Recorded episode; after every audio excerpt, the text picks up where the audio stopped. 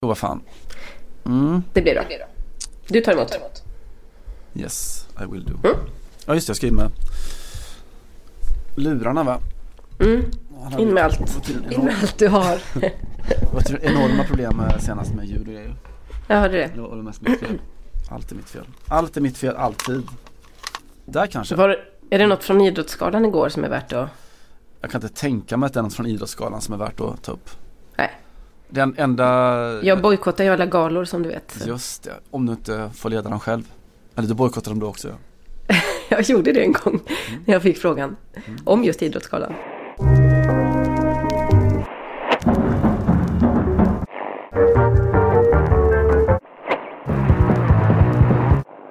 När jag inte gör mål mår jag illa. Jag arbetar oerhört hårt varje dag. Jag gör mitt bästa. Det går inte alltid som man vill, men jag har svårt att acceptera det. Jag måste göra mål på varje träning, i varje match. Det där kommer från min barndom. Min mamma var en kämpe. Hon slet precis varenda dag. Det där är ord med en eh, lite speciell ton just idag. Det är, är ord som kommer från Emiliano Sala. Eh, mammas allra förstfödde i Argentina som hon ändå släppte iväg när han var 15 från Argentina till Europa för att skaffa sig ett yrke som fotbollsspelare. Han slet där, han jobbade varje dag, han lyckades till slut slå igenom i Caen med Thomas Lemar och N'Golo Conté eh, och har ju ägnat de senaste åren åt att vräka in nästan bara fula mål faktiskt då för, för Nantes. Och nu är han alltså borta, vi vet inte var han är någonstans. Eh, Johanna Frändén, vad Ja, du befinner dig i Frankrike eh, såklart. Jag antar att det här är en, en väldigt, väldigt stor nyhet där också. Ja, det är klart att det är. Det är ju så att säga första sides stoff som eh, om det hade funnits några första, tider, första sidor.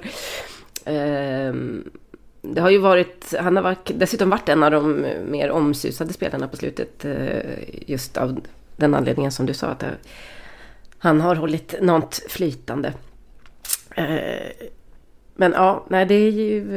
Eh, låter ju inget bra med sök och räddningsoperation. Man känns inte som man kliver av på någon av öarna i Engelska kanalen för att liksom mellanlanda. Utan det, det ser eh, mörkt ut i min känsla i alla fall.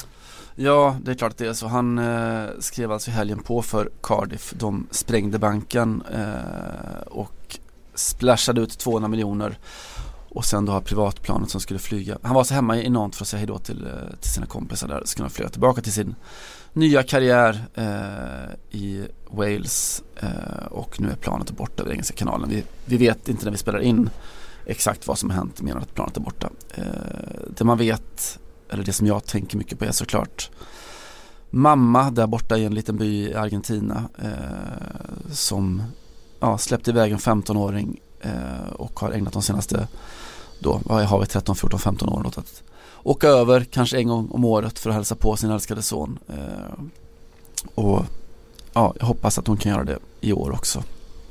Eh, men vi vet inte. Sådär. Eh, eh, Sympatiskt klubbyte ändå, om man bara får sticka emellan.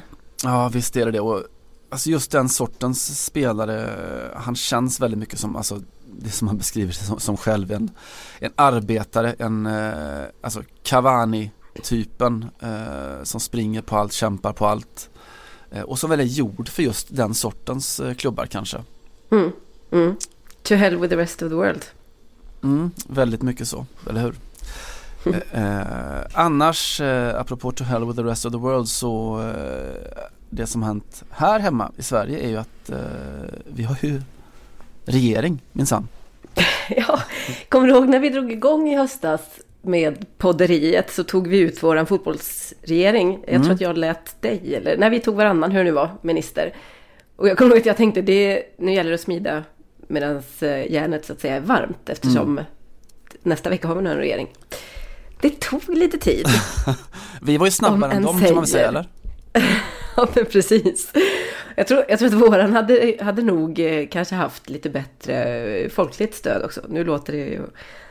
Nu låter det som att det är väldigt, det här är ju det intressanta med sådana här koalitionsregeringar, typ att alla är missnöjda. Det finns mm. inte en enda människa utanför, utanför regeringen som verkar tycka att det, eh, det här ska bli bra. Alla är bara så totalt uppgivna och ja, speciellt är det. Det brukar, det, alltså, det brukar vara väldigt tydligt liksom, vem som är en, vilken som är den vinnande sidan efter ett val. Men här kan man konstatera att eh, argast är förstås kanske moderater och kristdemokrater då. De är så arga va? Eh, de är ju vansinniga. Men det, är, och det tycker jag är roligt för att det, det, är på, det är på en desperat nivå som gör att det blir ganska bra content, som man, mm. om man vill kalla det så. Eh, Sverigedemokraterna är lite, känns lite likgiltigt uppgivna, de är vana vid den här situationen. Men sen så är ju, det finns ju en arg flank i varje regeringsparti, eller regerings och stödparti som är ganska kul att följa. Och vänsterpartisterna är ju rätt många som är arga där också för att man upplever att man missar en historisk chans. Att, eh, ja, sura miner.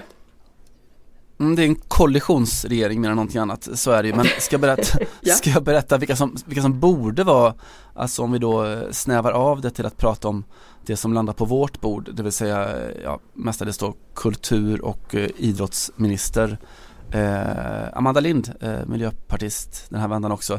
Vem borde vara solklart mest nöjd med den eh, utnämningen? Eh, ja, för att de flesta verkar vara, alltså kulturmänniskor och idrottsmänniskor verkar vara svinsura eh, över det eh, för att hon inte visat jättemycket engagemang. Eh, kulturmässigt har de väl gjort det i och för sig. Hon har varit suttit i kulturnämnder och, och pratat om sitt kulturintresse. Sport mer eh, relevant kanske att hon eh, ja, hon spelar lite tennis men hon har mig veterligen aldrig liksom sagt någonting speciellt om om eh, sport. Eh. Men du, eh, reflektion kolon. Mm. Det tuffaste i liksom massmedia är ju uppenbarligen att vara kulturminister. För att alla, alla stora tidningar hade en tyckare i en timme efter utnämningen ungefär igår. Mm. Och alla avfärdade henne totalt. Alltså alla de stora dagstidningarna. Eh, som kulturminister. Alltså det var, det var fel val och det var dåligt och hit och dit och så. Eh, det är väldigt sällan man ser någon sån raser, liksom, raseriutbrott över socialförsäkringsministern. Att Nej. varje tidnings eh, reporter som bevakar socialförsäkringsfrågor går ut och talar om varför det här och det här var ett vansinnigt val. Utan det, det är väldigt uppenbart att den kulturministerposten eh, Eh, ger extremt mycket eh, reaktioner och liksom, ja, nästan känslomässiga reaktioner. Idrottsministern, vi får aldrig riktigt plats i tidningen så där blir det mest, där blir det mycket snack på Twitter eh, på ett helt eh, annat sätt. Och då handlar det alltid om att det som jag antar att du ska ta upp då, att det är dåligt att inte någon kan få vara bara idrottsminister, att man inte bara kan få ha den portföljen. Ja, lite det som du, som du tar upp är väl eh, på något sätt ett, eh, ett argument för exakt varför det borde vara en, en, egen portfölj kanske. Att det är just eh, någonting som betyder så oerhört mycket för så många. Att kulturen mm. gör det och att, att, att idrotten gör det. men det här kommer som ett, ett brev på posten, ja alltså före Postnord eh, brev på posten. Vart fjärde år, eller ja, ganska mycket som Postnord om man ska sådär då. Vart, vart fjärde år så kommer den här eh, ilska debatten eh, på sociala medier från sporttyckare om att eh, sport borde minsann vara en helt egen portfölj. Och det kan man ju tycka absolut, jag håller väl med om det men, men det är också det att det finns ju inte ett land i världen, i alla fall inte EU knappt, där det inte fungerar på just det här sättet att man, eh, man bakar ihop portföljer eh, och så vidare. Det, det är liksom Ja, jag vet att Nederländerna hade liksom välfärdsminister och idrottsminister eh, samordnat. Portugal så var det samordningsministern som hade hade sporten, Italien så var det region, regionalministern eh, som hade det och så vidare. Man gör så mm. precis överallt. Med ett enda undantag egentligen och det är, det är ju hemma hos dig där i Frankrike där sportportföljen har blivit just en, en sportportfölj. Precis, eh, det är rätt så nytt. Jag tror faktiskt att det bara är under Macron. För tidigare har man delat oftast på idrott och eh, ungdom. Alltså man har varit eh, ungdoms och idrottsminister i de flesta fall. Men det intressanta tycker jag här är ju i Frankrike den nya tendensen att man sätter en före detta idrottsman, eller kvinna har det varit mm. faktiskt i båda fallen, på den här posten. Det var Laura Flessel som är gammal fäkterska tror jag minsann. Och eh, som har ersatts eh, nu av eh, Roxana Maracineanu. Eh, hon har rumänskt ursprung men är fransyska och eh, före detta simmare. Så det är, det är liksom den nya trenden i Frankrike. Och de har båda haft, eh, eller Maracineanu har har posten nu då. Och då har hon faktiskt bara idrott. Det kanske vore lite konstigt att ge kultur också till en för detta simmerska bara rakt upp och ner eller ungdom eller så. Men, men precis som du säger, de har ju delat på posten i Frankrike också. Och då är ju ändå idrottsministern någon som har ganska hårda nypor oftast i Frankrike. Mm. Det är ju oftast den personen som dyker upp på Clairefontaine när det är bråk i landslaget och tar liksom både spelare och förbundskapten i öronen och går ut ganska offensivt ofta i media och säger att jag förväntar mig en förklaring till mm. det här och det här och det här och det här. Eller när PSG blir beslagna med sån här raskvoter och så. Så att det är ju, de tar ju uppgiften på stort allvar skulle jag säga. Men precis som du säger så det vanligaste historiskt är ju att man har denna portfölj tillsammans med eh, minst en annan. Nej men det intressanta är väl eh, exakt det som du är inne på. Eh, hur engagerad är man? Hur driven är man? Hur närvarande är man? I Frankrike så har ju det knappt spelats en fotbollslandskamp utan att det är kvartssamtal i LUC-palatset efteråt. Och det är ju relevant och det är intressant. Eh, och det är väl på det sättet vi ska bedöma en, en svensk idrottsminister också. Kanske inte utifrån hur eh, portföljen och titeln ser ut utan utifrån vilket eh, sorts jobb man gör. Jag vet men i Sverige är de ju alltid lite supportrar. Det känns mest som att de kanske står och, du vet, med en landslagströja och en flagga och heja Sverige friskt humör. Det känns inte som att det är så mycket mm. mer än så när det kommer till land, alltså när det kommer till elitidrott i alla fall. Nej, eh, det är väldigt mycket så. Och sen kan man också läsa in om man kollar på internationellt hur hur ansvarsområdena ser ut och hur de fogas ihop så kanske man kan läsa in ganska mycket idrottssyn i det. Eh, alltså är det knutet till som det var i Frankrike till ungdom, eh, att det är ungdom och sportsminister. Eh, jag vet att i Danmark så hade de länge att det var eh, att utbildningsministern hade idrotten också. Irland under mm. många år så hade de, hade de transport, turism och sportminister. Och sådär. Eh, Okej, okay. då ska man ju kunna mycket samtidigt får man ju säga. Ja, kanske bara hjälpa alla traveling supporters som ska till stora mästerskapen. Kan vara något sånt. Ja, just det. Eh, men vi ger Amanda Lind uh, the benefit of doubt och önskar henne lycka till och jag vill också konstatera att det finns i alla fall ett parti som borde vara dundernöjda med att se henne som, som kultur och uh, sportminister. Uh, och det är också ironiskt nog de som kommer vara allra, allra surast på henne. Eh, Sverigedemokraterna får ju allting som de drömmer om i en kulturminister med Amanda Lind. Sådär, alltså de, deras, de har den mest drivna kulturpolitiken av alla partier eftersom de inser att kultur är något väldigt viktigt. Eh, sen deras kultursyn så är, det handlar rätt mycket om man ska liksom så här, vet, snorta löksill och, och dansa folkdans till Nordman och ha kraghuva på huvudet och, och sätta upp teaterpremiär på Dramaten om Arn enbart typ. Men de, de brinner ju i alla fall för, för kulturen. Eh, Amanda Lind har ju allt det här. Eh, hon är alltså gammal rollspelare, hon är intresserad av medeltiden, vikingatiden. Eh, hon spelar blockflöjt, hon eh, ägnar sig åt att eh, syssla med någon sorts textil, sån här eh, garnteknik som heter nålbindning. Eh, någon sån här vikingateknik. och mm. jag, jag, rekommenderar alla att också undersöka hennes, hennes kära make som väl heter Björn-Ola Lind. Eh, gör en snabb googling på videor så kan ni bland annat ta del av Den helige päls, eh, en film som han spelat in.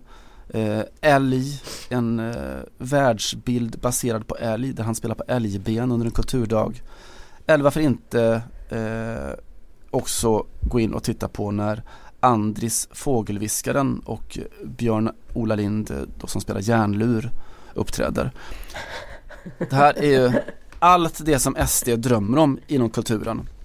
Eh, de förstår, en... de, förstår de hur bönhörda de har blivit egentligen? Jag tror inte riktigt det. Ja, det är pärlor för svin, uh, inte ens metaforiskt menat. Det är, de får allt de drömmer om men de kommer hata sönder henne för att hon är miljöpartist, uh, humanist, uh, har lustig frisyr och en gång för evigheter sedan faktiskt testade röka, röka cannabis. Har du, alltså jag kan känna att jag kanske skulle kunna ha förtroende för en idrottsminister som inte har rökt cannabis. Men en kulturminister som aldrig har gjort det tycker jag är direkt olämplig för, eh, faktiskt för den eh, posten. Ja, det, det är väl bara att konstatera det. De har, mm. också, de har ju aldrig varit utanför Sveriges gränser känns det som. Nej, lite så. Uh. Eh, det är ju väldigt eh, intressant också hur mycket man eh, diskuterar det här, hennes hår, vilket ju är en, så att säga, ganska, mm. det var ganska lätt att förutse det snacket. Eh, det är väldigt lite snack om typ, eh, inte vet jag, Hanif Balis sånt eh, riktiga proggskägg. Som, ju, som är, jag menar den typen av skägg som han har är ju en sån extrem gammal miljöpartistisk vänsterlämning, eller var fram tills för typ två, tre år sedan i alla fall, innan det började så att säga approprieras av andra grupper. Så att eh, jag ser fram emot fler eh, sådana inspel kring eh, ansiktsbehåring och eh, håruppsättningar och så vidare nu när, när den dammluckan har öppnats. Jag tror att det finns ganska mycket att säga där. På ja. svenska politiker. Uh, ja, du väljer att ägna den här ansvarstyngda dagen åt att kommentera kvinnors hår. Uh, då vill jag bara säga att Amanda Linds frisyr har exakt samma färg som Mattias Karlssons fluga. Och ideologi. Just det, exakt. Nu tänker jag låta mina ben, mitt skelett, ljuda ihop med älgens. Välkommen in i veckan. Jag tänkte ta innan vi, eller vi behöver inte ens block, blicka bakåt. Det har inte hänt så jäkla mycket som senast känns som fotbollswise mot. Mm, Osman Dembélé har gått sönder. Ja, och med honom våra hjärtan. Eh, och Harry Kane, kanske lite mer i ditt hjärta. Ja, och det, jag tänkte lite faktiskt prata om Harry Kane, eh, mm. om det är okej. Okay. Mm, eh, alltid. Mm, I en eh, sån här diskussion om fotbollen, vart den är på väg och var den är någonstans. Eh, och eh, jag tog avstamp i konstbranschen. Eh, För precis före jul så sålde de en, en tavla av, eh, av David Hockney. Jag vet inte om du har koll på honom? någonting. Mm. Sån här gammal excentrisk engelsk Alltså fikus känns rätt just i det fallet uh, ja. men alltså en förtjusande äldre, äldre herre. Uh, tavlan heter Portrait of an Artist och den gick då för 900 miljoner kronor på, på Christie's uh, och det ska vara världsrekord, det dyraste verk av en levande konstnär som någonsin sålts. Och det är en helt lysande målning såklart. Eh, sån här klassisk eh, Hockney-målning med en, någon kalifornisk simbassäng. Eh, Jättemycket färg och lite mm. så här bögigt helt enkelt om man ska vara Alltså lite Edward Hopper plus bögladdning, kan man säga så eller? Ja Eller? L lite ja, så det, ja. Någon ja. sån matthet och så en, en briljant komposition och så finns det ändå någon slags homoerotik i den Om man vill mm. se den, om man verkligen letar men det som gjorde mig intresserad av, eh, av just den här affären. Det ser mest ut som att, lite som att i det här gamla programmet Fab Five, om du minns. Mm det är lite som att de skulle kunna inreda ett vardagsrum med någon av hans tavlor. Det är lite mer så jag känner kring liksom färg, det färgsprakande. Queer eye on a straight guy eller något sånt där va? Precis. Mm. Eh, den som sålde eh, målningen då och cashade in 900 miljoner kronor var eh, Joe Lewis, eh, en av världens rikaste man, valutaspekulerare och skatteflykting då, brittisk skatteflykting, bor på Bahamas. Eh, i min värld också mer känd som mannen som faktiskt äger Harry Kane. Han äger alltså Tottenham. Mm. han har haft den här målningen i, sen 80-talet någon gång och det är inte så att han behöver pengarna direkt. Så min sådär spontana eh, känsloreaktion när jag såg eh, att nu, han nu har sålt målningen är att amen, kan man sälja en, en sån här då fantastisk målning som han har ägt i 35 år då kan man väl sälja Harry Kane också. Mm. Eh, bara man gör en bra affär på något vis. Ja, just det.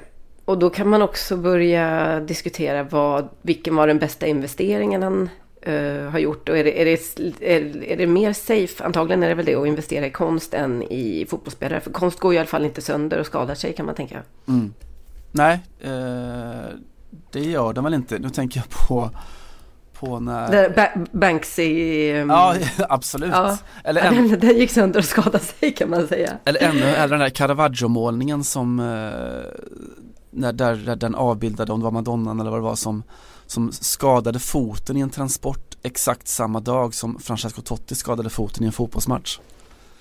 Ja, okej, okay. men det är klart man kan inte göra så mycket åt gamla sådana eh, övernaturliga eh, band mellan fotbolls och konstgiganter. De, de får man bara köpa med om de, kom, de kommer på köpet tror jag i, i den. Det, det är lite så eh, Dorian Grays porträtt. Mm. Ibland så är konst förtrollad. Det får man ha i åtanke såklart. Ja, den är ju det. Den goda konsten nästan alltid. Eh, och, men det här fick i alla fall mig att tänka på det här med, med fotbollen och konsten va. Eh, och ja, du får hänga med helt enkelt för jag tänkte dra mig via Harry Kane och eh, via Turin, New York, modeveckan i Milano, Frankfurtskolan och landa i att förklara varför Juventus är världens mest representativa fotbollsklubb 2019. Ja. Eh, för jag, var Ska ju... jag sätta på kaffe och Ja men gör det, gå och hämta kanske, snus och ja, och, borsta tänderna och vad det var. Eh, spela lite på älgben så länge så, så, så ser jag till när jag behöver det igen. Ja. Eh, ja, för jag, var- jag var ju nere i Turin precis eh, före jul eh, och mest för att titta på Robin Olsen. De mötte Juventus borta i Turin. Och vet, har du varit på, på nya Juventus Stadium någonting? Eh, nej, jag tror inte Jag ska faktiskt att jag nog... Jag har bara varit på Dele Alpi. Nej förresten, Mm. jag var på den där provisoriska de hade i Norge i rätt många år också. Vad heter den andra? Olympico va? Ja, det blev väl så, Stadio Olympico eftersom, efter OS va? Ja, just det. Eh, ja, nej, jag har inte varit på Juventus Stadium. Jag tycker den ser... Uh, de, de, den ser lite inställsam ut. Men eh, jag kanske har fel. Ja, om man med inställsam menar modern så är det så eh, Mm. såklart och inte minst om man tittar då in i katakomberna så eh, nere i mixed zone, alltså där som vi journalister träffar spelare efter matcherna så eh, den är helt extrem, så den är ljus och den är luftig och den är fin eh, och alldeles bakom, alltså normalt så är mixed zone ett, ett av de där ställena som får en att vilja döda människor. Det är svettigt och det är trångt och det är varmt och, och, och jävligt på alla sätt. Mm. Men under Juventus Stadium så är det luftigt och ljust och fint och eh, några meter bakom mixed zone så finns då en, eh, en kaffebar såklart där man då kan eh, slinka ifrån och få sig en, eh, jag vet inte, doppio macchiato eller någon Nespressino eller vad man nu, vad man nu vill ha eh, och en liten biscottokaka till. Mm, Eh, givetvis. Ja det är så jävla snyggt allting med Juventus. Eh, har ju blivit det. Och det där är ju inte, alltså Juventus har alltid varit snyggt men de senaste åren så har de arbetat så oerhört, oerhört hårt med att bli ännu snyggare. Hela deras eh, rebranding-process. Eh, och om vi backar nästan ett år till eh, designveckan i Milano som är ungefär som designveckan i Stockholm fast verkligen inte. Eh, och där eh, 2018 så var Juventus delaktiga i ett, eh, en speciell, spe, specialutställning som heter U-Joints. Alltså joint, eh, inte i Amanda Lind bemärkelsen utan i bemärkelsen sådär förbindelse, knutpunkt på något vis. Just det. Uh, där massor av designers var, var med och fick tolka då just det här med knutpunkt och förbindelser och i ett galleri. Mhm. Och mitt i utställningen, själva centralpunkten var ett stort rektangulärt fotbollsplansformat bord som var en mötesplats som var en del av, eh, av själva konceptet då under namnet Undici 11. 11 è un concept che ha l'obiettivo di essere presenti in un contesto internazionale con un luogo che possa raccontare quello che è Juventus. förklarat då av Juventus varumärkesansvarige så här. Målet med Undici är att vara närvarande i en internationell kontext genom en plats som återberättar själva kärnan i Juventus.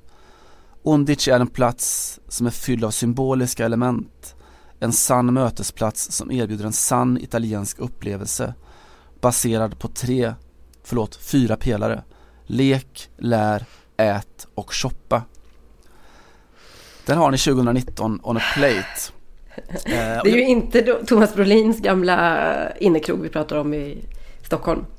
Inte på För den hade ju lite, den hade ju lite samma ambitioner kan jag känna. lek, eh, ja, lek, sup, ät och däcka. Kolla på fotboll. Den grejen. Eh, ja men deras strategi är, de har gjort om en sån oerhört eh, intensiv rebrandingprocess då, tydligast såklart genom att klubbmärket som förändrades. Mm. Eh, för någon månad sedan bara, i november så hölls eh, Artissima, eh, den stora eh, konstmässan i Turin, i då OS hockeyarenan.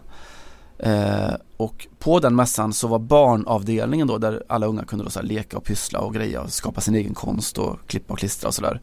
Den sponsrades av Juventus. Eh, Bernadeschi var där och hälsade på och, mm -hmm. och sådär. Eh, och när de skulle förklara varför så från mässans sida så handlade det om att de skulle få bort det snobbiga ur konstbegreppet och öppna upp för folk. Eh, men för Juventus så var det lite samma sak som under designveckan att det, att det handlar om, om rebrandingen.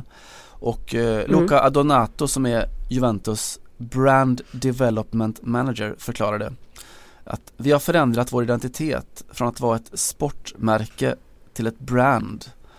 Eh, för att tyvärr så är vår inhemska industri inte alls på samma nivå som till exempel Premier League. Och då går vi vidare in på kulturmarxismen, det har tagit alldeles för lång tid. Eh, för här ringer ju alla, precis alla klockor som finns då, alla våra Frankfurt-skoleklockor. Eh, när då de sjösatte hela sin kulturmarxistiska analys av kulturindustrin så hävdar de att kulturindustrin är något som förstärker rådande samhällskrafter med en massa sådana här eh, ja, små kodade försåtliga minibudskap liksom i masskulturen. Och deras då, Jorge med Adornos lackmustest för att avslöja att någonting är en del av då det här kulturindustrin som lurar oss alla. Det är att de sakerna kallar sig själva för industrier. Ah, okej. Okay. Och det är precis vad Juventus gör med sin fotboll nu. De pratar om industrin. Just det. Eh, Silvio Vigato, varumärkesansvarig, pratade på Leaders Week i New York i våras och sa eh, Igår handlade det om fotboll nu handlar det om ett varumärke vars kärnverksamhet är fotboll. Konst och kultur är kommunikation, det är konsumtion. Man köper och säljer en tavla eller en Harry Kane för en miljard. Du köper Cristiano Ronaldo, du bygger ett varumärke. Du skapar en massa konstgjorda beroenden som bara kan tillfredsställas av, av nästa köp då. Eh, och innan jag, min snygga avslutning eh, av alltihopa det här är ju att Frankfurtskolan som jag citerade förut eh, deras stora teoriverk då skrevs ju av Theodor Adorno som bekant. Eh, den som pratade för Juventus räkning förut heter Luca Adornato. Mm. Eh, alltså exakt samma namn på italienska. Mm. Så där är vi. Eh, fotbollsbranschen. Lill-Adorno. Mm, precis så, precis. Men eh, det, det, här är ju då kanske lite motsvarande det som när man i andra klubbar pratar om projekt. Alltså du vet PSGs mm. projekt är intressant. Eller kanske Manchester Citys projekt när det lanserades. Eh, alltså, det betyder ju egentligen bara att det har kommit in en jävla massa pengar från ett håll. Och så ska det bli eh, någonting nytt av den här klubben. Och så börjar man prata om det som ett eh, projekt och spelarna köper det. Det hör man ju ofta. Eh, Zlatan Ibrahimovic pratade ju väldigt ofta om mm. PSGs projekt. Till och med när han har varit där i fyra säsonger så var det att jag tror på det här projektet och, och så vidare. Och det är nog eh, liksom eh, fotbollsspelarlingo för eh, ägarnas eller kanske vdarnas industri. För det är lite samma eh, det är ju egentligen bara att ta ner det på marken och prata om projekt. Det är det som spelarna ser, det är det som mm. de kan förstå. Nu kommer det mycket pengar, det är en investering, det är en... Eh, det händer någonting här nu, vi ska framåt, det är en satsning. De kanske inte riktigt är fullt ut medvetna om att de egentligen bara är någon form av brickor i det här spelet. Alltså att man kommer dit som ett varumärke. Och eh, även om de förstår det så kanske de inte känner sig som några direkta eh, offer för den här industrin, om du förstår vad jag menar. Men egentligen ja. hur mycket pengar de än tjänar och hur, vilket avtryck de än gör i en klubb så kan jag ibland inte låta bli att tycka lite synd om, om nu eller samtidens fotbollsspelare. För att de är sådana uppenbara Eh, liksom pjäser i ett spel där det handlar om att flytta runt världens eh, bästa spelare eller mest lovande till olika typer av pengar. Eh, eller till olika typer av summor och i olika klubbar för att generera intresse. Liksom. Det ska hända något nytt. Man ska visa att man satsar. Det är ju det det handlar om mer än någonting annat. Och det är ju det som kanske klubbledningar och sånt viskade om för 15 år sedan. Att det också handlar om att man ska sälja nya, mycket mer tröjor och du vet allt det där alltså inför säsongen.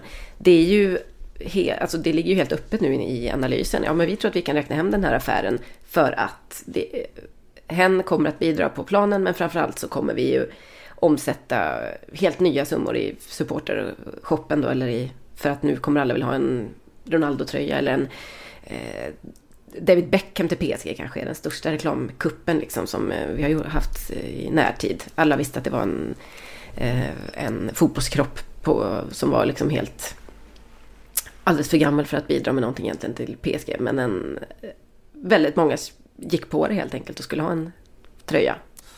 Ja så är det Alltså det som jag tycker om med Juventus, jag är helt ärlig nu, är att de, jag vet inga som pratar på, på samma tydliga men samtidigt försåtliga sätt om hela den här utvecklingen.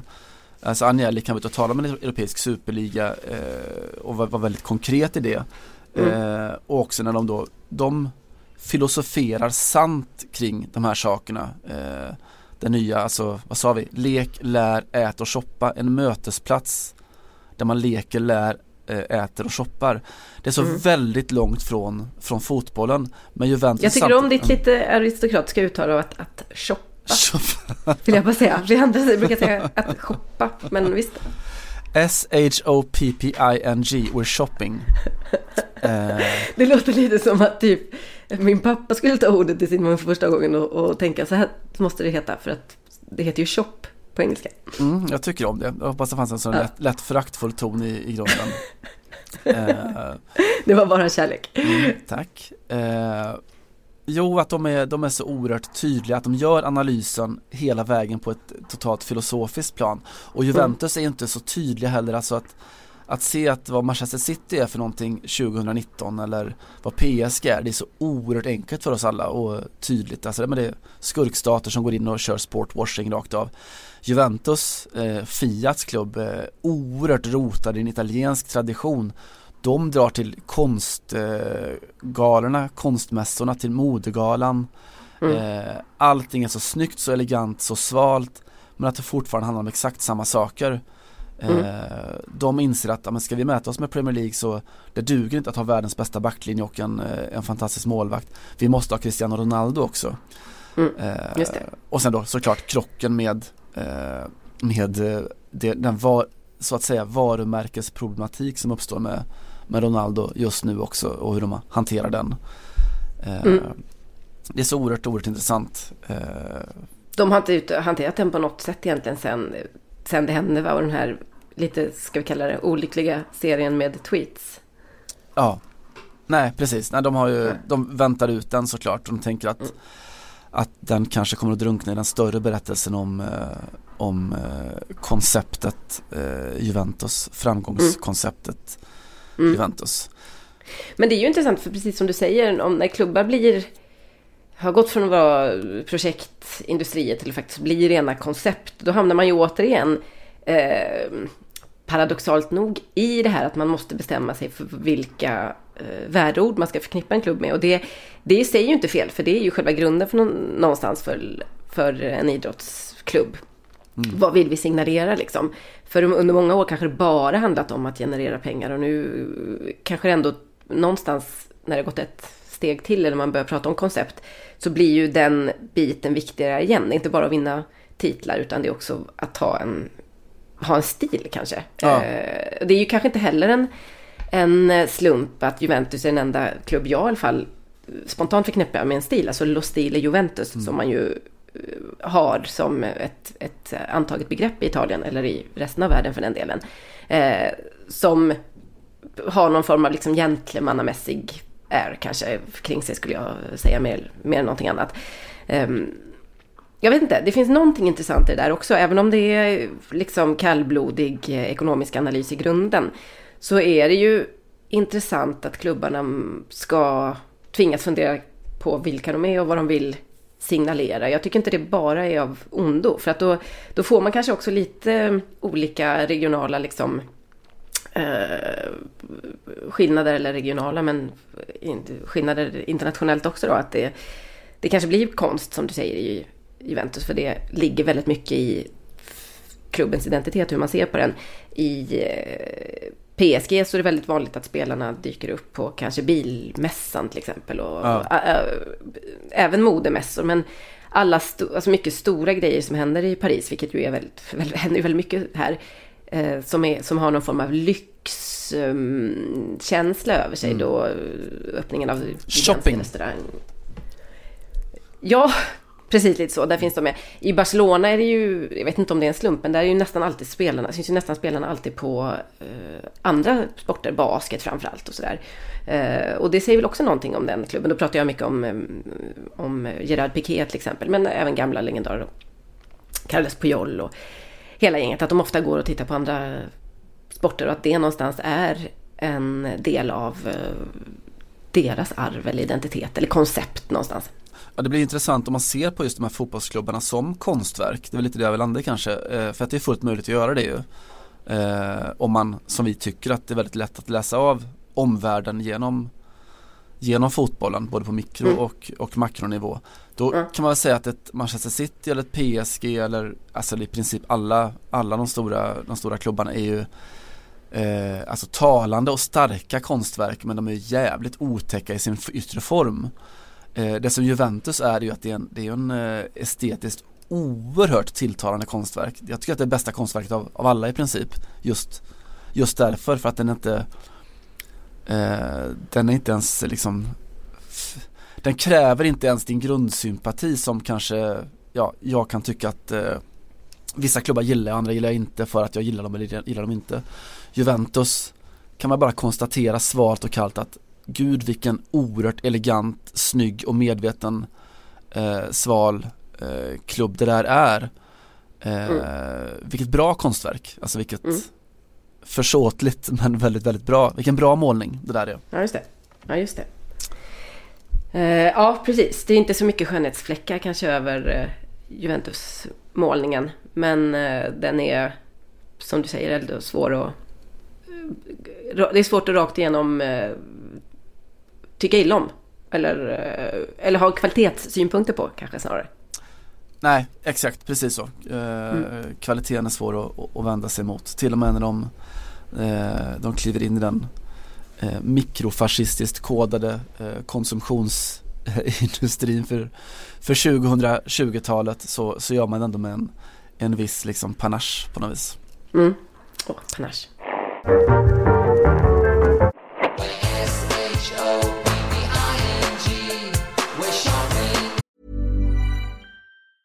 Hey, I'm Ryan Reynolds. Recently, I asked Mint Mobile's legal team if big wireless companies are allowed to raise prices due to inflation. They said yes. And then when I asked if raising prices technically violates those onerous two year contracts, they said, What the f are you talking about, you insane Hollywood ass? So to recap, we're cutting the price of Mint Unlimited from $30 a month to just $15 a month. Give it a try at mintmobile.com slash switch. $45 up front for three months plus taxes and fees. Promoting for new customers for limited time. Unlimited more than 40 gigabytes per month. Slows. Full terms at mintmobile.com. Så här lät det på Stade Louis II i helgen.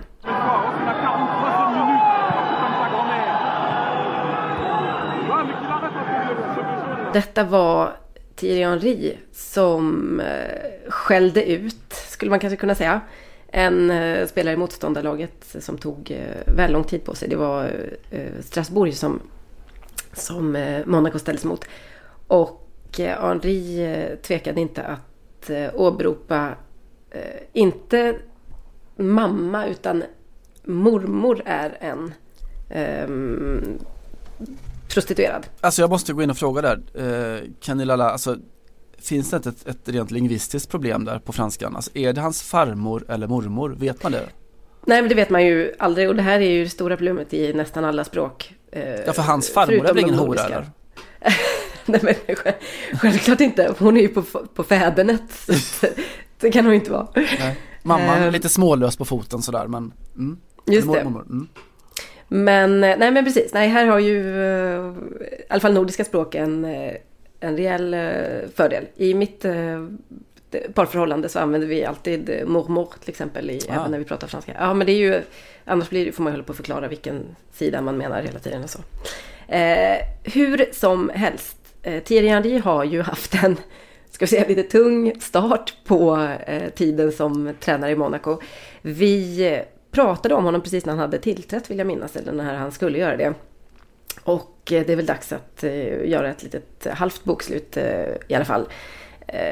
Monaco ligger på nedflyttning, nedflyttningsplats fortsatt och Thierry Henry har så att säga inte fått eh, ordning på sin image skulle jag vilja uttrycka det. För om du fattar vad jag menar. Det var ju mm. en del, ställdes ju en del frågor inför hans återkomst då till eh, Eh, ja, till den franska ligan och till Frankrike överhuvudtaget. Eh, när vi pratade om det sist så var det väl framförallt det att det fanns en ett sorts eh, väldigt kyligt förhållande mellan fransk fotboll och, och eh, Thierry Henry. Han har inte blivit eh, engagerad i, i det franska fotbollsförbundet. Det är något som manifesterades kanske mest med att han ju blev Eh, du, assisterande tränare för belgiska landslaget. Och många fransmän tyckte det var konstigt det här blev nu då. Eh, inte minst när de möttes i, i, VM i somras.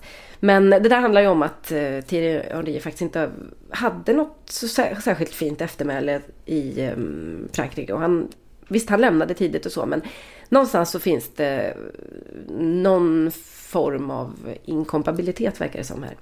Eh, det har inte riktigt blivit bättre och eh, Thierry har ju inte direkt gjort så mycket för att förbättra det själv då. Förutom eh, att det har varit väldigt skrala resultat så har han liksom hela tiden eh, nästan varit på, så här, smågnällt på sina egna spelare på ett sätt som man inte riktigt kan göra som tränare. Eller som man inte bör göra. Så grund eh, grundutgångspunkten måste ju ändå vara någonstans att man själv tar på sig alla eventuella misstag och förluster och, och sådär. Men han har, han har varit väldigt, det har varit mycket uttalande stil med att jag förstår inte vad mina spelare gör, eh, de ger bort bollen gratis, eh, vi, de, de pratar inte med varandra, jag förstår inte liksom. Eller eh, vi gjorde massa saker som var ologiska på planen. Eh, det är bara en minut kvar av spelet och då börjar de göra massa pass, eller slå massa passningar till varandra på, i vårt eget straffområde fast vi måste göra mål då. Det här var i november när eh, Monaco fick stryk mot eh, Reims. Och så det senaste då mot, eh, precis som du sa, Kenny Lala i Strasbourg. eh, din mormor är en hora. Eller ja, mormor stod vi fast att det var va? Ja, ja, ja gud ja. Ja, det var givet.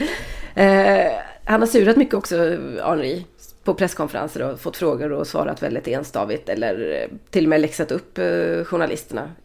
Så kan man väl inte säga. Eh, vad menar du att vi inte hade några chanser? Var inte det en chans? Var inte det en chans? Eh, när Cesc Fabregas skrev på för klubben, vilket ju var nu för bara ett par veckor sedan, så, så fick han en fråga av en journalist på tidningen Nice Matin. En Nice eh, lokaltidning helt enkelt. Och svarade med att du uttalar inte SESK rätt.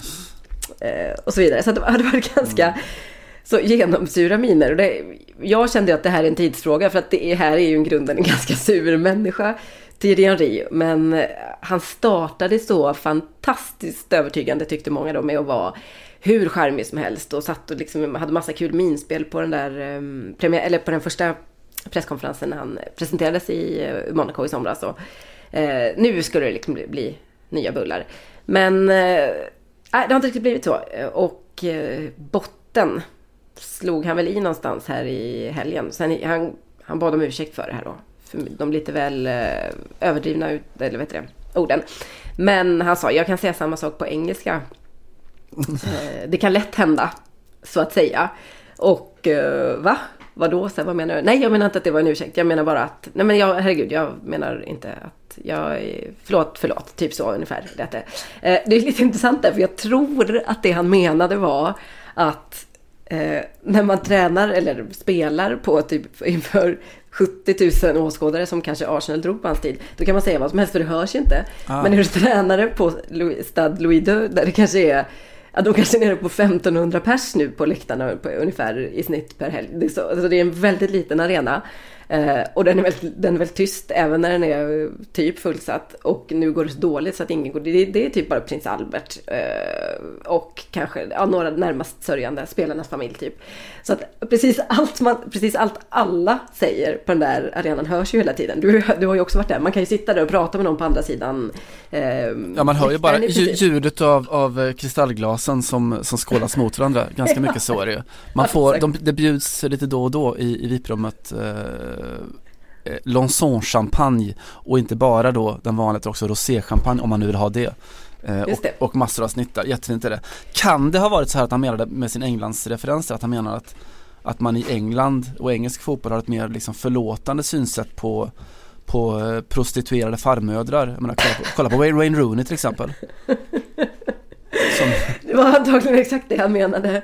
Eh, och så någonstans underförstått också att eh, man kommer undan med saker och ting som inte hörs. Eh, Det enda problemet med, med det jag sa idag var att det hördes så tydligt. Jag tror att det var det han menade. Och jag, vad fan, jag kan fatta vad han menar. Men eh, ja, nej, det går, inte, det går liksom inte så bra för eh, Henri. Jag undrar om, om det är så att han ha, bo, ångrar sig lite grann. Eh, för det är väldigt tydligt om man ska jämföra med en annan av hans nästa generations eh, kamrat. Um, Ole Gunnar Solskjaer är väl eh, något äldre men eh, de har ändå eh, stötts och blötts några gånger i Premier League och eh, man kan se liksom hur fantastiskt bra det kan gå när någon tar över en, en eh, klubb och blir liksom, eller kliver över på andra sidan helt enkelt och, och bara blir, allt blir, alla bitar faller på plats. Eh, undrar om det är extra jobbigt att det är så, när det är så uppenbart eh, samtidigt att det fanns någon annan som det funkade väldigt, väldigt bra för. jag har en teori, alltså det här är värt en sån här amatörpsykologisk men jag hade ju någonting emot eh, och ni får lita på min totala objektivitet i det här fallet, eh, för det gör jag nämligen själv. Eh, Thierry Henry, det fanns alltid ett drag hos honom som spelare som jag hade lite så här smått svårt för. Eh, och det blev egentligen, alltså utöver att han såklart var, var liksom världens bästa anfallare och, och alltid gjorde mål mot Tottenham och sådär. Gud, han var en otrolig, otrolig fotbollsspelare. Men det fanns ett drag hos honom som jag eh, hade svårt för. Som sen accentuerades och blev väldigt, väldigt tydligt när han fick lagkaptensbindeln i Arsenal. Och det var, som kapten så var det så oerhört tydligt att han, han bottnade inte det, han spelade teater. I varje enskilt ögonblick så tänkte Thierry Henry, hur agerar en lagkapten nu, en ledare nu? Och sen så gjorde han det. Eh, det gick liksom inte att ta miste på det, att det var, fanns ingenting genuint i sättet som han ledde sitt lag, i sättet som han hjälpte en motståndare upp från marken, i sättet som han applåderade någon, alltså alltihopa var, var ett enda stort teaterstycke. För det Men det var inte alltså- han. Nej, men det är intressant för att precis exakt den där känslan fick jag när han höll presskonferens då och blev presenterad som uh, ny tränare i, i Monaco. Så gjorde han ju det som jag var inne på, lite massa, han satte ju lite olika minspel och, och eh, ja det var liksom, eh, det var åt um, översätt, eller tolken bland annat då, för han fick ju en del frågor på engelska och, och det kändes otroligt eh, manerat liksom. Det här gör han bara för att vinna poäng. Eh, Men det funkade uppenbarligen då. Ja, det, var, det fanns ju ingen, jag hade ingen större anledning att liksom ifrågasätta, det, ifrågasätta det just då. Men det är väldigt tydligt när masken bara faller av, som den verkligen har gjort nu. Eh, för Thierry Henry trodde nog någonstans att, alltså det, det stora problemet för honom är ju att han har kommit till ett lag som inte håller så speciellt hög eh, kvalitet. Det finns en massa... Det, det finns, det Tolvåringar. finns ett, Ja, men alltså det finns, det finns ju ett par potentiella världsspelare i, i Monaco då. eh, I alla fall som har varit där uppe, Radamel Falcao bland annat. Eh, Det finns ett helt gäng eh, intressanta eh, prospects liksom. Och det finns eh, några, några som är någonstans där mittemellan. Eh, Golovin finns där, Tillemans finns där. En massa tolvåringar som du säger. Men problemet är att hans analys efter varje match är ungefär som att han är chockad över hur, hur låg kvalitet de håller. Och att han inte kan acceptera det för att när han spelade fotboll så var han omgiven av eh, ett färdigt lag och fantastiska spelare. Eh, och det är också intressant att se att nästan allt han förebrår sitt lag för, vilket man verkligen får säga att han gör, är typ att de inte är Arsenal 2005. Mm, vilket är det som du måste, måste, måste värja dig ifrån. Eh, Var det en bra säsong förresten för 2006 kan vi säga då, när de var i, ja, i eh, Champions League-final. just det. Eh, nej, och det, du drog upp liksom lite sådär eh, Ole Gunnar Solskjaer som en, en, eh, någon sorts motbild. Och vi får väl se, vi får se hur, hur, fantastisk Ole Gunnar är som tränare. Han har i alla fall gjort det hundraprocentigt på alla plan så här långt. Och det man För att han säga- är en super sub. Det hade ju varit konstigt annars. Det är väl uppenbart att man inte ska förlänga med honom med tanke på hans historia i klubben. Han ska ju vara den som kommer in och ersätter och, och löser det på 20 minuter, eller hur? Och kommer in nästa säsong igen när det är så här tio matcher När- kvar. När nästa tränare får sparken. Ja, det vore jättefint. Nej, men, Det vore, men, på, tal, på, tal, om- på, tal om, förlåt, på tal om konstsyn och vilken, vilken bild man vill liksom ge av sin egen klubb. Hade inte det varit det mest briljanta eh, upplägget någonsin? Jag att skriva ett tioårskontrakt med honom men som bara gäller de sista tio matcherna varje säsong. får bara hoppa in när vi har sparkat andra tränare. Han bara, ja, ja, absolut. Det, det, både för att vi tror att det kommer funka och för att det faktiskt är eh, den bilden vi vill ge av eh, våra klubb utåt och eh, dig. Och den humor vi ändå någonstans känner att vi har som uppdrag att eh, på något sätt eh, vidmakthålla engelsk fotboll. Den är ju ganska humorlös nu för tiden, men det hade ändå varit en sån eh, sista rescue. Ja, det ska ju skrivas fler, fler spelarkontrakt som baseras på, på humor. Eh, generellt kan man tycka. Ja, verkligen. Men Ole Gunnar, det man kan säga om honom är att det finns ju ingenting, eh, om vi pratar om manierade kring honom, finns ingenting som är maner som känns fejkat. Det gjorde inte det som spelare och det gör inte det nu heller. Eh, och jag tror att det, om man ska komma in i det läget som de har gjort nu, liksom båda två, mitt under säsong, eh, med ett, ett, eh, ett lag som liksom famlar efter någon sorts identitet, så tror jag att det första som spelare känner av är just det här, finns det en äkthet liksom? Finns det en kompetens naturligtvis men också finns det en äkthet? Eh, Mm. Är det här någon jag litar på? Är det här någon som jag liksom vill ha? Eh, som jag kan, kan rusa upp i skyttegraven för? Och jag tror att Ole Gunnar Solskjaer är en oerhört, oerhört äkta eh, person. Thierry Henry är en, eh, ett geni, eh, en av de största spelarna som har levt eller spelat under min livstid. Men jag tror inte att han är en, eh, en speciellt sympatisk kollektivist faktiskt. Nej. Men Jag, alltså, det är inte en så speciellt sympatisk eh, människa. Jag har ändå haft lite, med honom, och, lite att göra med honom i Barcelona framförallt. Och det, samma sak där. Jag tror att han är härlig när saker och ting går bra, men när det börjar gå lite utför. Eh, I Barcelona till exempel, i alla fall från eh, den säsongen som, ja egentligen hela Zlatans säsong och sen så eh, ut efter det så var, när han lämnade samma sommar där till slut. Ja så var Tirian i en bänkspelare. Det kom fram massa andra liksom bättre forwards. Så Bojan Kirkic hade liksom sitt stora genombrott då och så vidare. Leo Messi var ganska svår att peta. Pedro eh, var i superform och så vidare. Och då var han ju, ja det var verkligen jättesur hela tiden och var liksom en pest att intervjua efter matcherna och han var hemsk mot franska journalister framförallt och kunde liksom eh, ignorera dem eller attackera dem och bara allt, allt grundades i att han inte fick spela. Det var ganska uppenbart men det var liksom eh, ja, han var så genuint osympatisk och jag tog upp det här vid något tillfälle i någon intervju eller någonting alltså, som gjordes med mig. Jag tror jag fick frågan vem som är den mest osympatiska spelare jag känner till och då sa jag till Henri och eh, det där plockade någon upp några år senare i ett tillfälle när jag intervjuade eh, Lilian Tyram på Stadsteatern i Stockholm. Så var det någon i publiken som sa Tyram, jag har en fråga. Johanna har nämligen sagt att Thierry Henry är världens mest osympatiska spelare. Stämmer det? Han bara, va? Nej men Titi? Nej men det förstår jag inte. Ja, det blev så jävla tajt stämning. Det var typ så här. Så att... um, ja, ja, ja, och då, då fick man också en bild av hur det var att ha honom som medspelare som Tyram hade haft och, det tror jag kan vara underbart liksom när det går bra. Eh, spela ett landslag som vinner VM så jag, jag är helt säker på att eh, Henri är liksom bäst på festen och eh, roligast och kanske mest witty också. För han är uppenbarligen eh, intelligent. Liksom. Ja, att det, är- ja, men alltså det finns otroligt mycket intelligens och så. Men en sida som kommer fram så fort det går lite dåligt, eh, eller så fort han inte är nöjd med saker och ting, som är genuint osympatisk verkligen.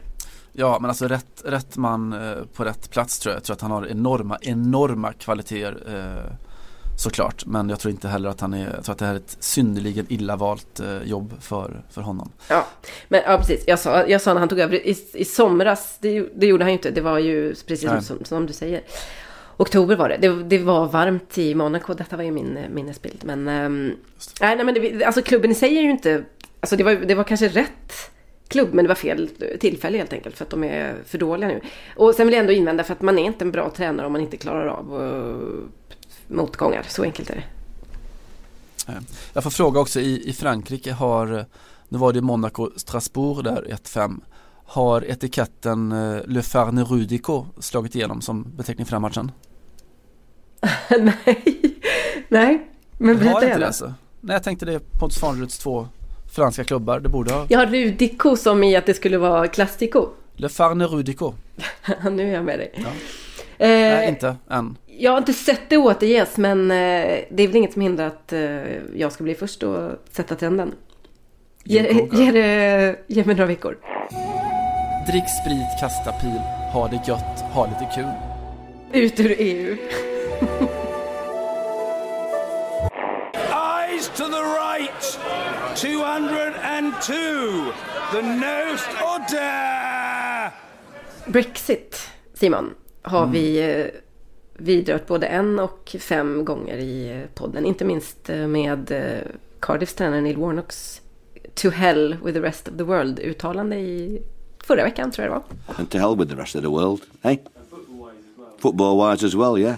Absolutely. Sen dess har en del eh, hänt. Till exempel så har det brittiska parlamentet då sagt nej till eh, Theresa Mays eh, deal. Det var, alla hade förutsett detta men kanske inte hur gigantisk den här förlusten skulle bli för henne. Lite som Thierry Henry mot Strasbourg kan man säga. Alltså det var, hon fick, det var väl mycket så 5-1. Eh, ja, intressant nog så mot typ Strasbourg eftersom EU-parlamentet ligger, eller EU rör sig dit en gång i månaden eller vad det är. Catching. Eh, det är fortfarande väldigt osäkert vad som blir eh, summan och följden av detta. Det känner ni ju till. Blir det en mjuk eh, Brexit? Blir det en hård Brexit? Blir det en så kallad crash out? Helt utan avtal? Eller blir det en andra folkomröstning kanske till och med? Allt det här låter som en sån här eh, första dejten relationsteori ju. Blir det mjukt, blir det hårt, blir det en crash out? Man vet aldrig riktigt. Nej, precis. Det här är ju... Ja, jag är fruktansvärt trött på de här förhållandemetaforerna som används jättemycket, framförallt i svensk politik nu. Men det här är ju verkligen att, Eh, vad ska man säga, att förhandla en dyr skilsmässa. Det är ju precis eh, det det handlar om här. Vem, vem får...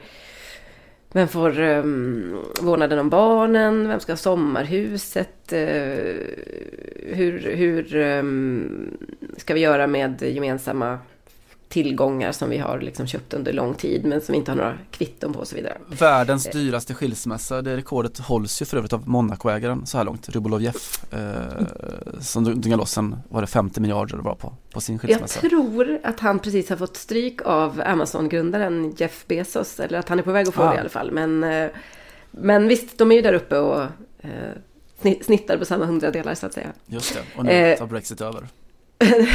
nu precis.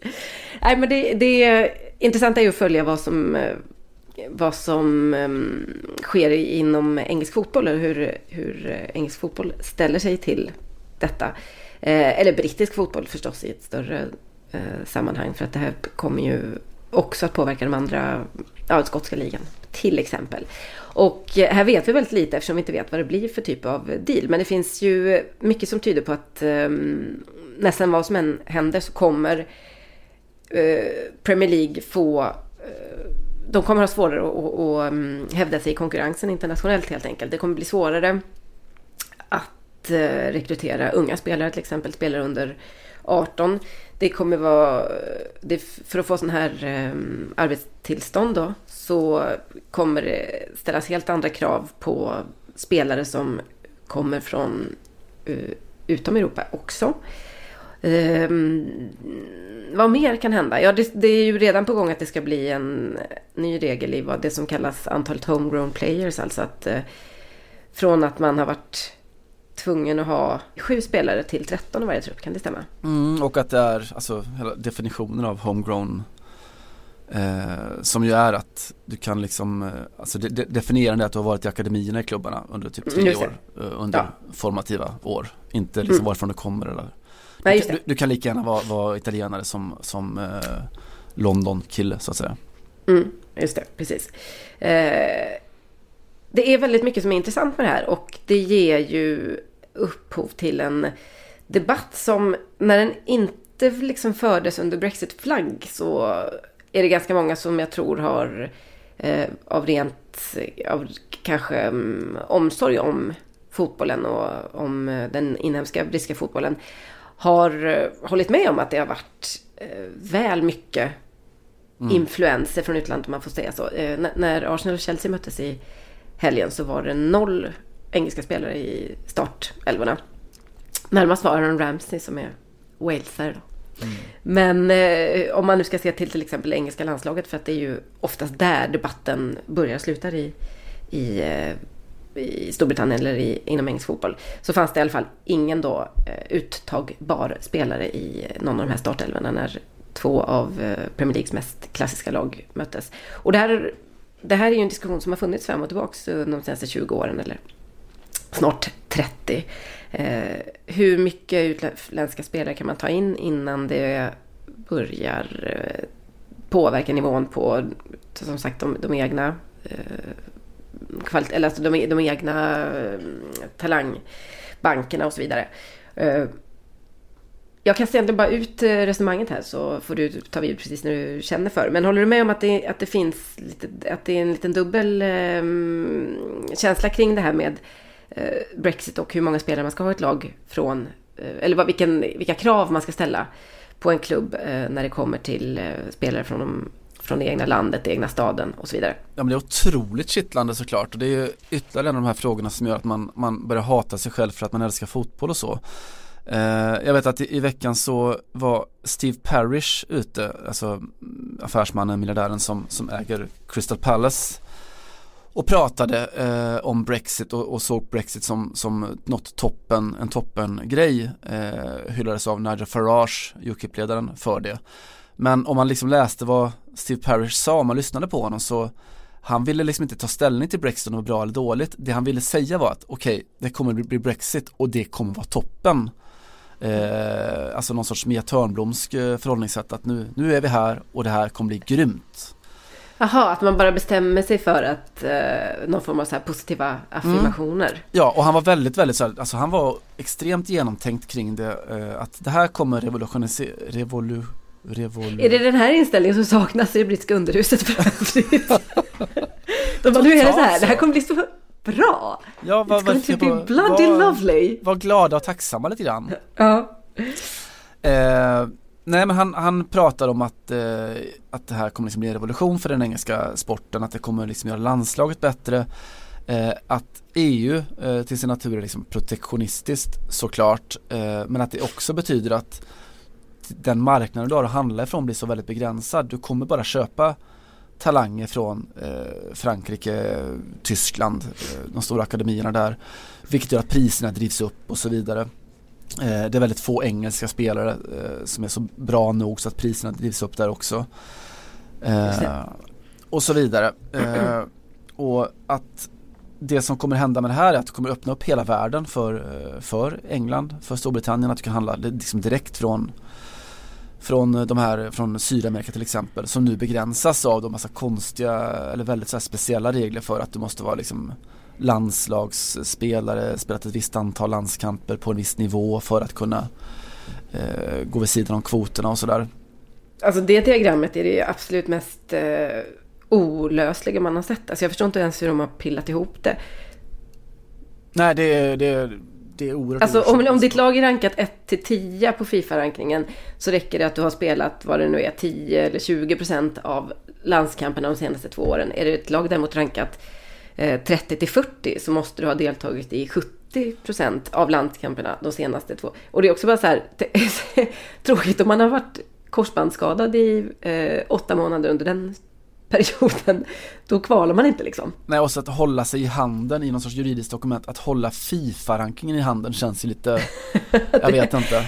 Nej, det är en annan sån lite lurig, eh, det är väldigt mycket, det känns som att hade man gjort en sketch över Brexit och fotboll så hade man mm. satt någon så här professor i glasögon som ska förklara grunderna till liksom den här, hela den där matrisen, hur den går till och hur man har tänkt. Och då får vi titta på ett annat dokument här och sen så det här leder oss till eh, att titta på det här dokumentet och så landar man liksom i, eh, i hur absurt det är. Ja, hur som helst, go on. Ja, eh, och eh, Parrish eh, återigen då, alltså det ironiska att Nigel Farage hyllar honom som ju är fascist. Eh, att Parrish är väldigt tydlig med att säga att han är absolut liksom ingen eh, traditionell Brexit eh, förespråkare. Han säger I'm very pro immigration. I'm pro us getting the best talent from all over the world in order to help our economy to make us more diverse. We benefit hugely from immigration. Eh, så det är hans take på det och det finns ju Mm. Alltså det jag menar med att man, eh, man börjar hata sig själv för att man älskar fotboll är ju för att det här blir så tydligt med Brexit att fotbollen är ju eh, Brexit. Den är ju till sin själva natur patriotisk, nationalistisk, protektionistisk och så vidare. Eh, Det är utifrån, utifrån de termerna vi pratar om. Liksom, vi måste få fram våra egna talanger här till vårt landslag så att det kan bli så bra som möjligt och slå eh, Danmark i ett, ett VM. Att det är liksom Mm. själva målet med fotbollen. Exakt, men det här är ju eh, så att säga konflikten från scratch någonstans inom både landslagsfotboll, alltså mellan länder. Precis som du säger, det handlar ju om att jättemycket om att eh, spela på mm, patriotiska strängar i alla fall. Och, och, och framhålla eh, speciella egenskaper och liksom eh, nationella Särdrag. särdrag och så vidare. Precis. Eh, och det, det är ju, och så är det att hålla på ett lag också. Jag menar, det, det, här kan, det, det här kan man ju... Man kan ju zooma in på nästan vilken nivå som helst. Så, så finns ju det här i att man... Lojaliteten med sitt lag och med sin stad och sen kanske med sin region och sen med sitt land. Eh, möjligen med sin världsdel då. Vissa identifierar sig kanske väldigt mycket som eh, ja, men afrikaner. Om vi nu ska prata om eh, i fotbollssammanhang väldigt vanligt att man håller på ett annat afrikanskt lag när ens eget har åkt ur VM och så vidare. Mycket mer än, än i, i eh, några andra mm, världsdelar skulle jag säga. Men eh, hur som helst, det här är ju själva grunden i nästan all idrott. Och det andra är ju att det här är själva grunden i nästan alla konflikter nu för tiden som, som löper, nästan alla politiska konflikter. Ehm, det var intressant i går, nej söndag, ja när det nu var, Agenda, söndag går det på va? Så gjorde ju Sverigedemokraternas Jimmie Åkesson, eh, tog, klev ju in från vänster och eh, kritiserade den sittande regeringen. Eh, det där har vi ju i Frankrike med Marine Le Pen sen, sen hon tog över egentligen sin pappas parti som ju var ett riktigt kryptofascistiskt överklassparti så har ju hon tagit den vägen och det är, ju vanligare och vanligare att man gör det. Så att man att även högerextrema eh, vad ska man säga, förespråkare eller, eh, eller agitatörer pratar som vänstermänniskor. Eller pratar som radikala. Då handlar det ju oftast, det handlar ju bara om fördelningspolitik då. Men att de- den, den eh, nya konfliktlinjen får nog Sverige också börja vänja sig vid. För att den, den är ganska så logisk, like it or not. Och i England så är det precis där man har befunnit sig i kanske 20 års tid. Och där jag har vacklat jättemycket när det kommer till fotbollen. För att det är svårt att... Det, det är klart att det är en fantastisk möjlighet för... för vad ska man säga, för alla supportrar att kunna få eh, helt plötsligt få, eller helt plötsligt, men eh, kunna, kunna ställa upp ett lag som skulle kunna slå vilket landslag som helst, alltså som Manchester United nu till exempel, kan vi säga, eller eh, Chelsea för den delen, eller vad du vill. Men om det bygger på att det inte finns någon lokal doft längre, då, då, då kommer den här eviga frågan, men vad är en fotbollsklubb? Vad ska den stå för? Eh, I PSGs fall så har jag kritiserat det hur mycket som helst. Det finns liksom inget eh, genuint eh, lokalt kvar här. Det är bara en franchise för internationella ekonomiska intressen i princip. Så att det, det, det, det går inte att komma runt det och här eh, Brexit sätter lite nytt ljus på det här. Men jag, jag tycker det som Steve Parrish säger, jag menar jag, jag kan förstå det fullt ut. Det är ju inte bara för att man har en åsikt som också eh, inskränkta idioter stöder som den blir fel någonstans. Eh, det är inte så att de inte har hörts även i fotbollsvärlden. Eh, veckans näst mest uppmärksammade och kanske ännu mer då på sociala medier uppmärksammade utspel kring Brexit kom ju från Boreham Wood eh, som alltså ligger i, alltså ganska klassisk klubb ändå men de ligger i, i botten på National League som väl blir femte divisionen vill jag säga. Som alltså gick ut på sin hemsida, sin officiella hemsida med ett 1400 ord långt manifest. Det är alltså ungefär som, jag vet inte, Markus evangeliet det är extremt långt eh, under rubriken eh, parlamentsledamöter Do your duty, gör er plikt. Eh, så att ni ska få en känsla för vad de skriver så eh, låt mig citera. We believe that Brexit must mean Brexit and we remind the intellectuals out there that doesn't make us all stupid, nationalistic, fascist, ignorant or all of those things. Don't be another Neville Chamberlain with I've secured peace in our time. Be prepared to show steel, be prepared to fail and be prepared to say no and back your initial instinct. De hamrar bara på att nu ska vi ut utan deal. Vi ska, eh, Brexit är stenhård, äkta Brexit. Och det är lite speciellt att en, en fotbollsklubb i femte divisionen eh, gör det. Eh, det. Är det här definitionen av att ta på sig en stor hatt? Eh, det är precis, precis vad det är. Eh, och det är inte så att, att uh, Boreham Wood är främmande för det. Eh, innan det här så var ju det mest kända som har kommit från Boreham Wood var Tim Sherwood. En spelare som eh, sen, sen, sen tränade också i Tottenham som vi brukade sjunga om. He comes from Boreham Wood, he ain't no fucking good. Mm. Där någonting eh, ja. är väl klara med Brexit. Eh, ja, vi blev klara för, för dem kan man säga. Före solen gick ner i alla fall. Ja. Eh, så att vi är klara med Brexit nu kan vi bara. Det är färdigförhandlat. Mm. Eh, det är bara att komma och hämta avtalet. Det finns hos Simon Bank. Just det, det finns eh, en lapp som ni aldrig någonsin kommer få se. Det hade varit coolt om de hade gjort. Det finns ett papper som ni aldrig kommer få se. Hörru, Theresa May, där har du din deal. Det finns ett papper som ni aldrig kommer att få se. Fotbollny radikal. Frankrike slog USA på damsidan i sporten vi kallar fotboll, landslagsfotboll närmare bestämt, eh, i lördags. Det var, blev 3-1. Vår eh, vän Marie Antoinette Catoto gjorde det sista målet för eh, Frankrike. Så hon har av allt att döma börjat eh, integrera sig i eh, landslaget. Det finns ju väldigt stora förhoppningar kring Katoto som är, gör eh, enormt mycket mål och bidrar i eh, PSG till vardags. Hur som helst, eh, 23 000 personer hade tagit sig till arenan i Le Havre för att eh, bevista detta mm, nästan historiska faktum. Det var faktiskt 28 matcher sen som amerikanskorna mm, hade fått stryk. De är regerande, vet det, på, de är regerande Fifa-ettor, höll jag på att säga. De är regerande världsmästarinnor också. Detta Eh, faktum inträffar då fem månader innan VM ska gå i just eh, Frankrike. Det känner ni till. Och eh, temperaturen börjar höjas lite grann här. Och en person vi kommer att prata om väldigt mycket som är veckans eh, fotbollsprofil är eh, Frankrikes förbundskapten Corinne Diacre. Som tog över för ett, Eh, vad kan det vara, ett år sedan ungefär. Fick en ganska så tuff start med eh, landslaget.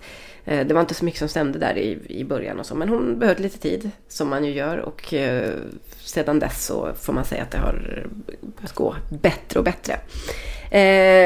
Vem är Corinne Diacre då? Var kommer hon ifrån? Ja, hon är ju en före detta spelare som de flesta är.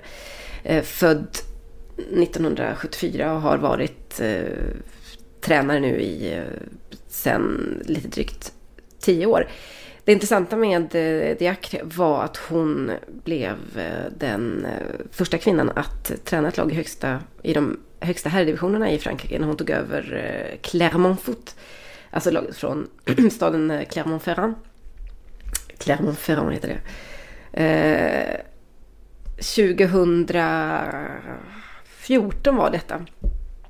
Och eh, det var en klubb som eh, hade, vad ska man säga, de, eh, de var väl i, på nedflyttningsplats i Ligue 2 då. Var hon eh, först? Hon, hon, tog, alltså den här Helena Costa, portugisiskan som var där före henne, hon gjorde aldrig några matcher, var det så? Ja, precis. Det var ju det som var väldigt speciellt med den här klubben, att de anställde exakt Helena Costa, portugisiska som, eh, så de, de hade redan haft en kvinna på eh, posten. Eh, det var samma år, men hon lämnade innan hon hann leda laget i alla fall i några eh, matcher i ligan.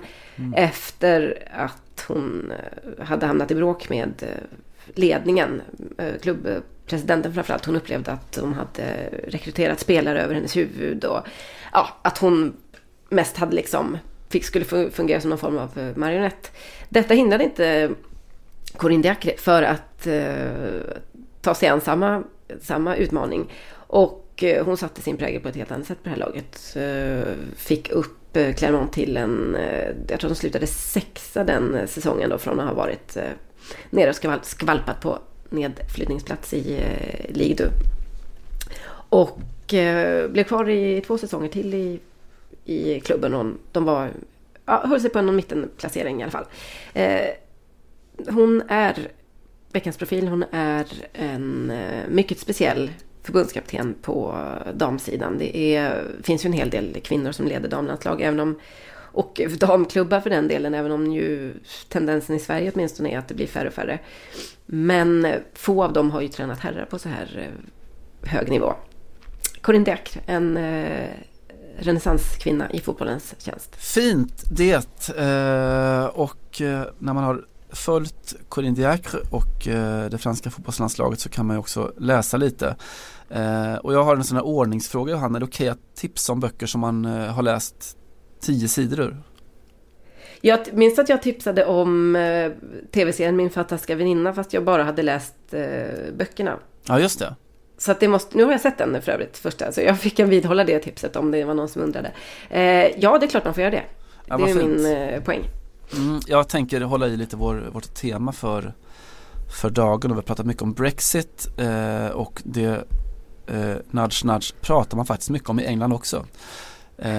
Nej men i, i, litteraturen, den är ju rätt så snabb, eh, snabbfotad där får man säga. Jag vet att jag tidigare eh, i podden har tipsat om Alice Smith eh, som skrev det som kallades den första post-Brexit-romanen, eh, hennes Autumn. Nu har den kommit, eller följts upp då med Winter, alltså nästa Vivaldi-steg i den eh, som vi antar kommer bli fyra delar då, romansviten.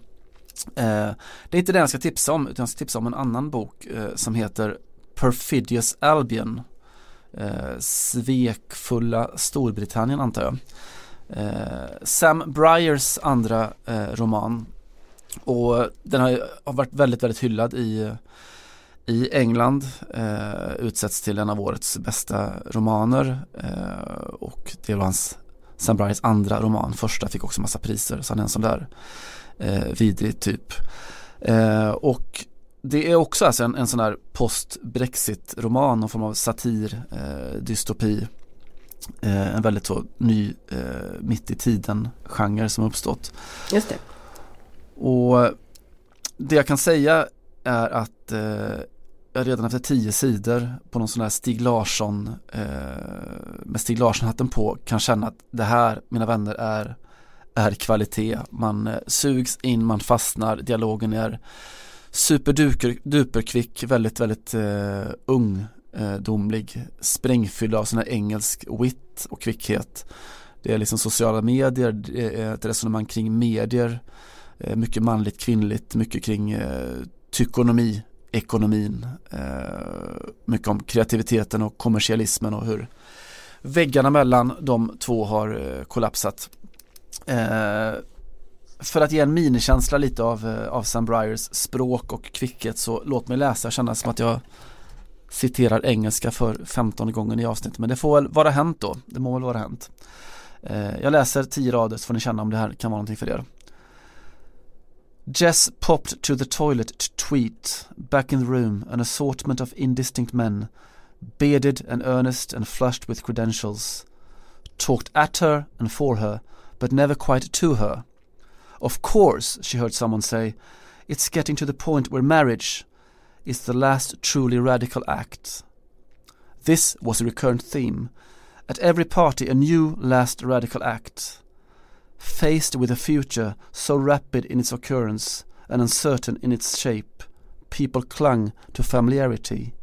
Fearful of appearing retrograde, they refashioned, refashioned the nostalgia as subversion Eh, jag tycker det är fantastiskt kul, eh, bra som spaningar, bra som språk och eh, jag återkommer om 300 sidor och tror om det är bra som litteratur, men jag är säker på att det är det. Sam Briers Perfidious Albion tipsar jag om. Helt otroligt att vi eh, oberoende av varandra har gjort små sådana Brexit, eh, både spaningar och kulturtips. För att min ut utgångsmarsch idag är eh, just en sådan. Det har ju som eh, du har berättat tidigare Simon gjorts eh, en hel del, eller börjat komma i alla fall en hel del romaner på Brexit-temat. Föga förvånande har ju det gjorts en väldig massa musik också som har med Brexit att göra och som har blivit en sorts inspirationskälla för många samtida musiker och inte minst proggare. För eh, det är det jag tänkt eh, ta oss härifrån med. Eh, Billy Bragg, den gamle protestproggaren, får vi kalla honom, har skrivit den kanske mest upplysande låten i, med en utgångspunkt i hur det är att vara en brexiter, alltså någon som har röstat för att Storbritannien ska gå ur EU och där han på ett väldigt eh, fint och trovärdigt sätt bygger upp den ty typen av argumentation som ju antagligen eh, många britter har eh, använt. Eh, lyssna noga på de här eh, orden och eh, lyssna på låten om vi inte får med hela av rättighetsskäl. Den kan ni leta upp lite var som helst. Eh, det här är Full English Brexit med Bill Bragg.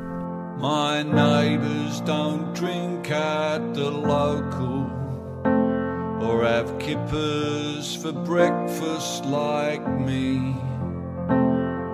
The food that they eat smells disgusting. They'd rather drink coffee than tea.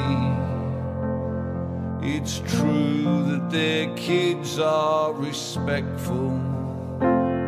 They gave me their seat on the bus. But it's just that there's so many of them that I fear what'll become of us.